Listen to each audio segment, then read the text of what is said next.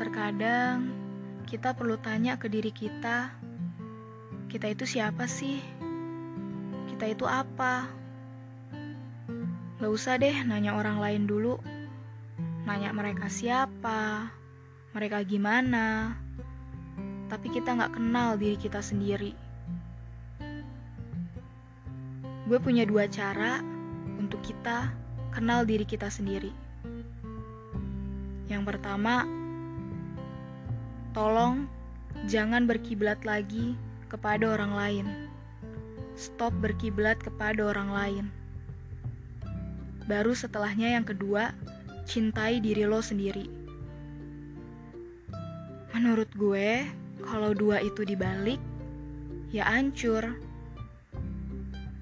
Misal, lo cinta sama diri lo, lo bilang lo cinta sama diri lo, tapi lo masih berkiblat sama orang lain, ya sama aja bohong.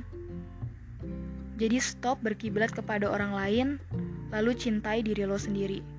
Dengan lo tidak berkiblat lagi kepada orang lain, itu artinya lo udah cinta sama diri lo sendiri.